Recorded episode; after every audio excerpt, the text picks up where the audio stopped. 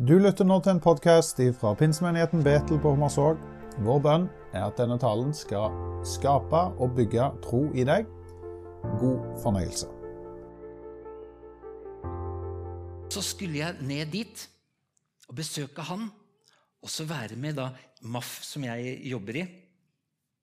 For vi skulle fly hjem igjen, noen damer som hadde fått være på sykehuset hans og, og fått hjelp. Og sånt nå, og så skulle vi være med og fly dem hjem igjen. Og det skulle jeg få være med på. Også For å få lov til å komme inn i landet så trengte vi noe som heter visum. Dvs. Si vi må ha tillatelse for å komme dit. Men vi, det tok så, vi fikk liksom ikke visum. Vi venta og venta og venta. venta. Og helt til dagen før vi skulle reise.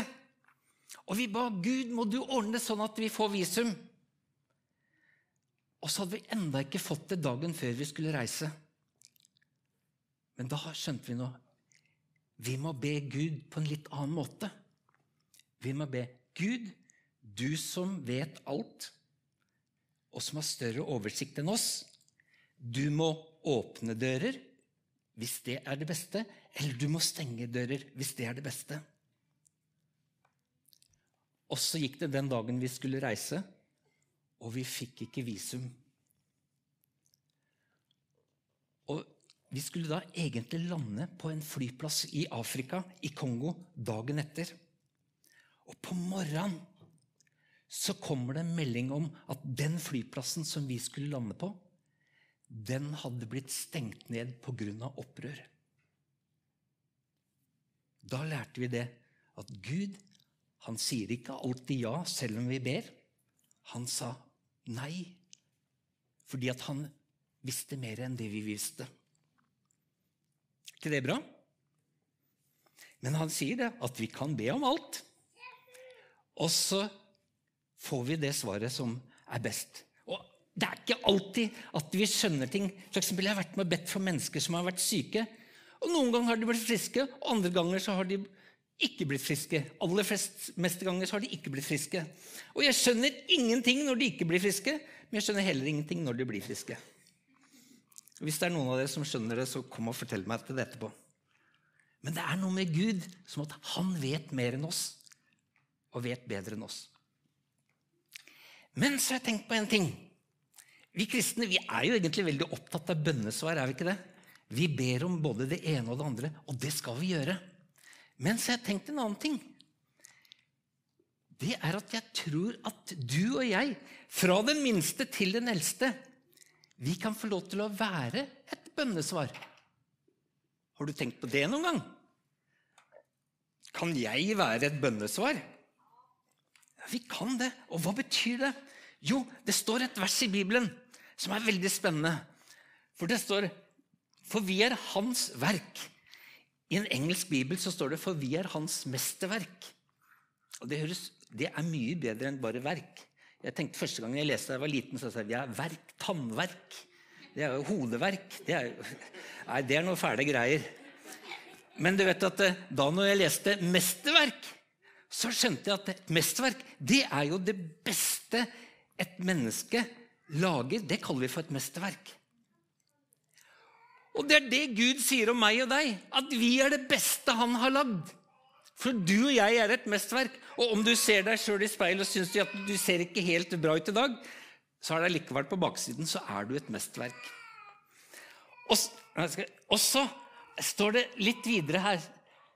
For vi er Hans verk, skapt i Kristus Jesus til gode gjerninger. Gud har skapt deg og meg for å gjøre godt mot hverandre. Og så er det litt spennende det som står videre. For det står at 'som Gud på forhånd har lagt ferdig for at vi skal vandre i dem'. Hva betyr det, da? Det betyr at Gud han er allerede og driver og ordner og styrer morgendagen. Ja, Er det sånn at du er sånne roboter da, som han styrer og liksom sånne dokker? Nei, det er ikke det. Men han vet hvem som skulle komme hit i dag. Han vet hvem du kommer til å snakke med etterpå. Og fordi at du kommer til å treffe noen, så gir han deg muligheter til å oppmuntre, til å gi et smil, si et hei og gjøre det sånn at den personen, når den forlater deg, så føler den seg mye bedre etterpå. For Gud har skapt deg til å gjøre gode ting. Og det gjelder i morgen òg. Hvis du går på butikken og går på kassa, jeg vet ikke om dere har Rimi eller Kiwi eller hva dere har for noe her, så vil du alltid treffe noen mennesker. Og da gir Gud deg muligheten til å gi dem et smil, et lite hei. Og mange ganger så er det ikke mer som skal til for å gjøre dagen til det andre mennesket mye bedre. Og jeg vet om at det er faktisk mennesker som fått redda livet fordi det var en som sa hei og smilte til dem. Det skal ikke så mye til. Så Derfor sier jeg gjør det. Bare gjør det. Vi er skapt til å gjøre godt mot hverandre. Og så tenker jeg skal jeg ta en liten sånn test på dere. For noen ganger sant, så er det sånn vi tenker at det, Gud snakker aldri til meg. Liksom, han kan snakke til alle andre, men han snakker aldri til meg. Hvor mange av dere her er det som liksom har hørt Guds stemme sånn som jeg snakker til dere nå? Det er ikke veldig mange som gjør det. Men en og annen har gjort det. Og vet du hva? Jeg har opplevd det én gang, og det redda antageligvis livet mitt. Jeg liker å kjøre motorsykkel, og jeg har en sånn stor motorsykkel. Og så er jeg litt sånn, jeg liker å kjøre litt fort, og spesielt i svinger, og sånn, for det er veldig gøy. Og Den første turen som jeg skulle ut på etter at jeg hadde kjøpt den store motorsykkelen, da skulle jeg være med meg to kamerater av meg. Så kjørte vi på en vei, opp, og det var seint på kvelden. Og så kommer vi litt sånn fort rundt en sving. Og når du ligger på motorsykkel ned i sving, så ligger du litt sånn ned. Og plutselig, uten at vi var klar over det, fordi at Vegvesenet hadde glemt å sette opp skilt, så var veien plutselig som asfalten slutt. Og så skulle de lage en ny vei, og der var det masse sånn, stor, sånn lag med, med tjukk grus oppå. Og det er det verste som kan skje når du kjører motorsykkel. Så når jeg kom dit, så begynte motorsykkelen bare sånn. Og det gikk i hvert fall i 80 km i timen. Og jeg var sikker på at nå kommer det til å gå rett ut, og jeg kommer til å dø. Så jeg ropte 'Jesus, hjelp meg!' Og vet du hva jeg plutselig hører da? inni hjelmen min, så hører jeg det er noen som sier Slapp av! La sykkelen styre seg selv. Og så ble jeg så sjokkert av at jeg hørte at det var den stemmen inni hjelmen min. Så jeg klarte å slappe av. Og på et mirakuløst vis så ordna sykkelen seg, og så gikk det bra. Det er den eneste gangen at jeg har hørt en sånn stemme. Men så har jeg funnet ut det, at Gud snakker til meg på en annen måte. Og nå skal vi ta en liten test, for kanskje han snakker til deg på den måten også. Fordi at det er sånn, Jeg kan sitte hjemme, jeg kan gå, eller jeg kan kjøre bil. Og plutselig så begynner jeg å tenke på en eller annen person. Er det noen av dere som har det sånn? Vet du hva, Jeg tror de aller fleste har det sånn. Plutselig sånn på Østlandet så ser vi, plutselig sånn helt ut av det blå, så begynner vi å tenke på en person eller en ting eller et eller annet. Og vet du hva? Jeg tror at det er Gud som gir oss de tankene. Og Da skal jeg fortelle deg hva jeg pleier å gjøre. Når jeg begynner å tenke på den personen, så Det første jeg gjør da, er å si Kjære Gud, nå ser du den personen der den er. Må du være med den, beskytte den og velsigne den i dag. Amen. Ikke mer enn det.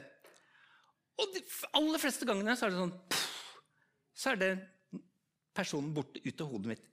Men noen ganger så opplever jeg at selv om jeg har bedt den bønnen, så kommer det igjen og igjen. Og da har jeg lært meg til det. Da må jeg ta neste skritt. Da tar jeg fram telefonen min, og så skriver jeg en melding, så sender jeg en melding. Og så sier jeg Hei, du, jeg kom til å tenke på deg i dag. Håper du har det bra. Må Gud være med deg, og Gud velsigne deg, og ha en fin dag. Og vet du hva? Veldig mange ganger så har jeg opplevd og fått melding tilbake hvor det står Hm, det var rart at du tenkte på meg nå, for jeg har det ikke helt lett. Og da tror jeg at det var Gud som snakka til meg inn i tankene. Men nå skal du få høre noe kjempespennende. For noen ganger så kan sånne tanker bli til noe kjempestort. Og for mange mange år siden så var det en mann som het Stuart King. Han jobba i militæret i England og jobba med fly. Og på slutten av andre verdenskrig så satt det masse mennesker og unge piloter oppe i bombefly. Og så skulle de bombe Tyskland for å prøve å få slutt på andre verdenskrig. Når han sitter oppi der, så kommer det en tanke inn i hodet hans. Hm. Det går an å bruke fly til å redde og hjelpe mennesker istedenfor å drepe og ødelegge. Og den tanken den kom igjen og igjen.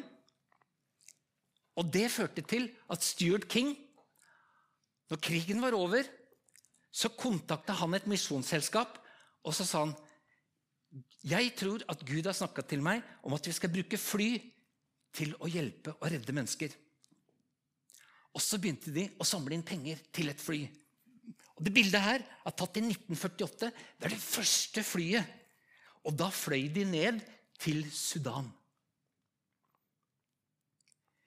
Resultatet av at Stuart King gjorde noe med den tanken, er bl.a. at jeg står her i dag. Og det er ganske mange år etter. Og resultatet av det er at i mange land i verden så er det mennesker som får hjelp av fly. De bor altså på plasser ingen skulle tro at noen kunne bo. Er du klar over det? At i Norge så har vi så mye fine veier. Vi vet egentlig ikke hva dårlige veier er, vi her i Norge. Hvis vi begynner å dra til utlandet. Det er så mange steder som har så dårlige veier. Eller sånn som her, på Papa Ny-Guinea. Så er det, det er verdens nest største øy. Og det er bare liksom på ytterkanten av øya at det er veier. Inni øya. Og den øya er svær, mange ganger så stor som Norge. Der fins det ikke veier. Så hvis folk skal komme seg fram der, så må de der de få stedene det er elv, så kan de ha kano. Eller så må de gå. Og da kan du tenke deg hvis du blir syk da, og må fort på sykehus, så er det tre uker å gå til nærmeste sted hvor du kan få litt helsehjelp. Og det er det veldig mange som opplever. Her ser dere noen veier. Her er fra Afrika. Vi, vi har altså to norske piloter. Sånn, til høyre her det er Eivind. Eh, også han som står, Noen av dere kjenner han som står til venstre der, det er Willy Ludvigsen. Han, han er min sjef. Vi jobber i Norge. Men se på de veiene her, da. Tenk om du er dame og høygravid, og, og fødselen begynner å komme, og så skjer det komplikasjoner, og så må du fort til sykehus. Da blir det vannfødsel veldig fort, skal jeg si deg. Se på de veiene her, da. Det er ikke bare bare. Og vet du hva? Sånn er veldig mange land i Afrika. Sånn er veiene mesteparten av året. Det regner og det regner og det regner.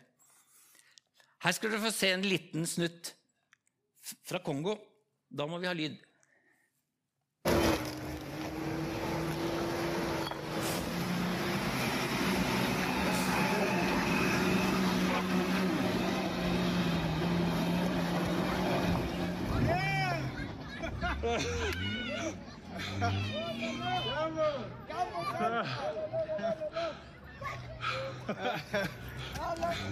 Ah, dette elsker jeg, altså. Dette er Afrika. Ah, vi bare krabber oss frem vet du, gjennom svære høl, og den der er utrolig. altså. Ja, ja, ja, ja. Ja, Nå skjønner vi enda mer hva MAF trengs til. Ja, ja. Er, jeg syns det er kjempegøy å kjøre på sånne veier, vet men uh, det er jo ikke noe gøy hvis du er sjuk eller har vondt noe sted. Så vi trenger, vi trenger å fly over. Er det noen av dere som ville vært med å sitte på landet her? Altså, de, du ville vært med, ja. Du som visste hva gepard var. Ja. Vi har altså kjempemange fly. Vi har 127 fly og er i 25 forskjellige land. Og vi lander på de rareste plasser. Her er en av dem. Og noen steder så er det ikke flystriper heller. Og vi er det flyselskapet i verden som lander på flest plasser Men ikke flest flyplasser, men flest plasser. Fordi det er masse mennesker som trenger hjelp. Nå skal dere få møte en liten gutt. Og Vi går snart inn for landing, som det heter på flyspråket. Det vil si at jeg skal ikke holde på så veldig lenge til, bare litt til. Men jeg skal få se på en film om en liten gutt. Mika. Han bor på Papua. Og det er samme øya som Papua Ny-Guinea. Langt inne i jungelen. Nå skal dere se hva som skjedde med han. En dag fikk MAF en oppkalling på radioen fra en liten landsby, Mukndoma, langt inne i jungelen på Papua, Indonesia. En liten gutt på seks år trengte øyeblikkelig hjelp da han var faretruende skadet. Mika hadde lekt sammen med vennene sine og falt ned fra et tre. Han hadde blitt spiddet av en gren, og deler av grenen satt fortsatt igjen i kroppen. Maff fløy inn og fikk hentet Mika og brakt han til sykehuset.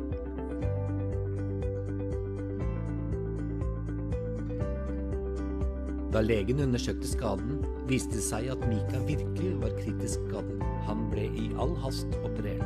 Det sto om livet. Operasjonen var vellykket, og Mika overlevde.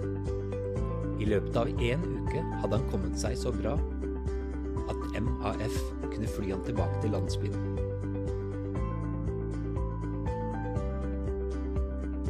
Der var det stor gjensynsglede. Moren til Mika var veldig takknemlig for alle som hadde vært med å redde livet til gutten hennes.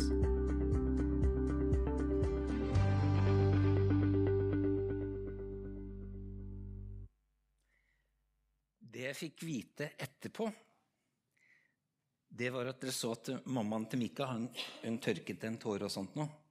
Så viser det seg at bare 14 dager før at det her skjedde med Mika, så hadde pappaen til Mika vært ute for en ulykke, og han hadde ikke overlevd. Så du kan tenke deg da hvor trist mammaen var når gutten hennes han datt ned fra et tre. Og så gikk Rena inn her, og legene sa hadde dere kommet 20 minutter eller en halvtime senere, så hadde ikke Mika overlevd.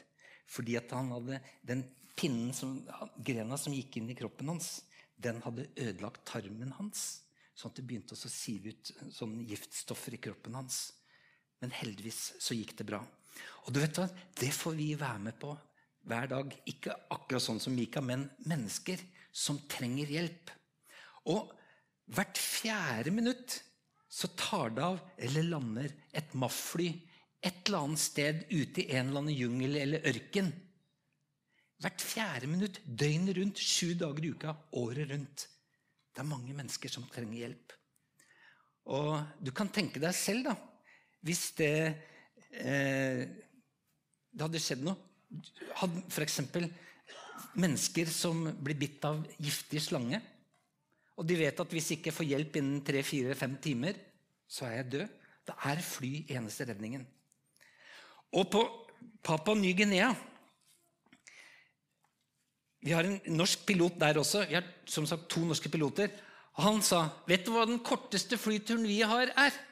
På Papua Ny-Guinea. Så jeg sa, 'Nei, jeg har ikke peiling'. Det tar oss fire minutter. Og da sa jeg, 'Er det noe vits å fly da?' Og vet du hva han sa da? Vet du hvor lang tid det tar å gå samme veien? For den eneste muligheten du har der, er å gå. For det er sånn høyt fjell og daler og sånt. Altså, et godt trent menneske bruker over 24 timer å gå samme strekning som vi bruker fire minutter. Så da en flytur på fire minutter kan redde liv. Det er veldig mange rundt omkring i verden som ikke har, der vi er, som ikke vet hva en bil er, for de har aldri sett en bil. Så barna der, når de skal leke, så leker de ikke med biler, men de lager seg sånne småfly som de leker med. Og så kaller de oss for håpets vinger. For vi er deres eneste håp. Det bildet der Det er akkurat noen gutter her som har vært akkurat der nå. Bare siste uka. Kom igjen på fredag. Vi har nemlig en som kommer fra deres menighet, som vi er veldig stolt av. Som er flymekaniker. Og det er Bjørnar. Jeg håper at dere husker han i bønn. Hvis du, har, hvis du har en sånn bønneliste og ikke har skrevet opp Bjørnar der, så skriv opp Bjørnar. Han er en fantastisk gutt, og som vi i MAF er veldig stolt av.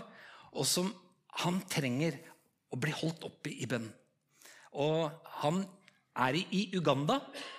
Og jeg hadde melding med Bjørnar i dag tidlig og fortalte at nå skal jeg til menigheten din. Eh, og da sa han da må du hilse så masse til alle sammen. Så da er det herved gjort. Hilser dere fra Bjørnar. Og støtt Bjørnar så mye dere bare kan. Her har vi Eivind igjen. Vet du hvor lite det skal til for oss å utgjøre forskjellen på liv og død? Her i Norge så har vi bestemt oss for at vi skal ha en sånn veldig sånn konkret oppgave. Så når folk gir penger til MAF, så skal de vite hva pengene går til. Og vi har tatt ansvaret for bl.a. å samle inn penger til flybensin. Og for de av dere som er eldre, så vet dere hva dette her er. Det er en bensinkanne. Men mange unge i dag med elbiler og sånt nå, vet jo ikke at det er en bensinkanne. Så er den her litt tøff, da, for den her, reiser jeg med fly på. Så det er en koffert. Men når jeg kommer på flyplassen, så blir det litt rare. Oi, pass dere han der med bensinkanna. Nå, de tror det er bombe, vet du. Men en sånn bensinkanne den tar altså 20 liter med bensin. Og for det så kan vi fly i 20 minutter eller 120 km. Og veldig ofte så pleier vi å si det sånn én kan ut og én kan hjem. Det er et redda liv. Ja, Der kommer det litt snikreklame, ser jeg. Vi har verdens tøffeste Vipps-nummer. Så hvis du en gang skulle ha litt penger til overs Og det trenger ikke være mye heller. fordi at eh, hvis alle gir litt, så blir det mye penger ut av det. Men vi har altså verdens kuleste og mest kristne eh, Vipps-nummer. Du kommer til å huske det for resten av livet. Jeg skal vise deg. Det er 7, 7, 7, 7, 7. En hånd med sjutall. Og Har du en hundrelapp til overs en gang, send det gjerne til oss. Vi skal sørge for at det er noen mennesker som får hjelp når du gjør det her, sender det her. Og En sånn bensinkanne koster 247 kroner. Det er sånn cirka-pris akkurat nå. Men jeg vil også si det. Dere har misjonsarbeid her i menigheten. Støtt menighetens misjonsarbeid. Utrolig viktig. Og jeg tror at Gud har sett seg ut oss nordmenn. Han stoler på oss at vi bryr oss om andre. Derfor så tror jeg at vi har det så godt som vi har det i dag. Men jeg tror Gud forventer oss at vi også skal være med og dele av det vi har fått, med andre som ikke har det så bra som oss. Så Derfor vil jeg si støtt menighetens misjonsarbeid så mye du bare kan. Gi så det svir innimellom. For dette er mennesker som virkelig trenger det der ute. Og hvis du har en liten plass ekstra plass i hjertet ditt i tillegg til menighetens misjonsarbeid, så er vi veldig glade for å kunne fly litt inn der, vi også. Begynner å sovne. Åssen har, har de voksne oppført seg pent, dere unger? Dere fikk jo beskjed om å passe på dem. Dere har passa på dem, har dere ikke det? Kan dere dulte bort til dem og se om de er våkne nå? Ja. Ja, der satt jeg og sov, ja. Nei da. Ja, men så bra. Men du, da skal jeg slutte bare med å minne om Husk det første jeg sa. Hvis du plutselig begynner å tenke på et menneske, be en liten bønn for det. Og gjerne send en liten melding også.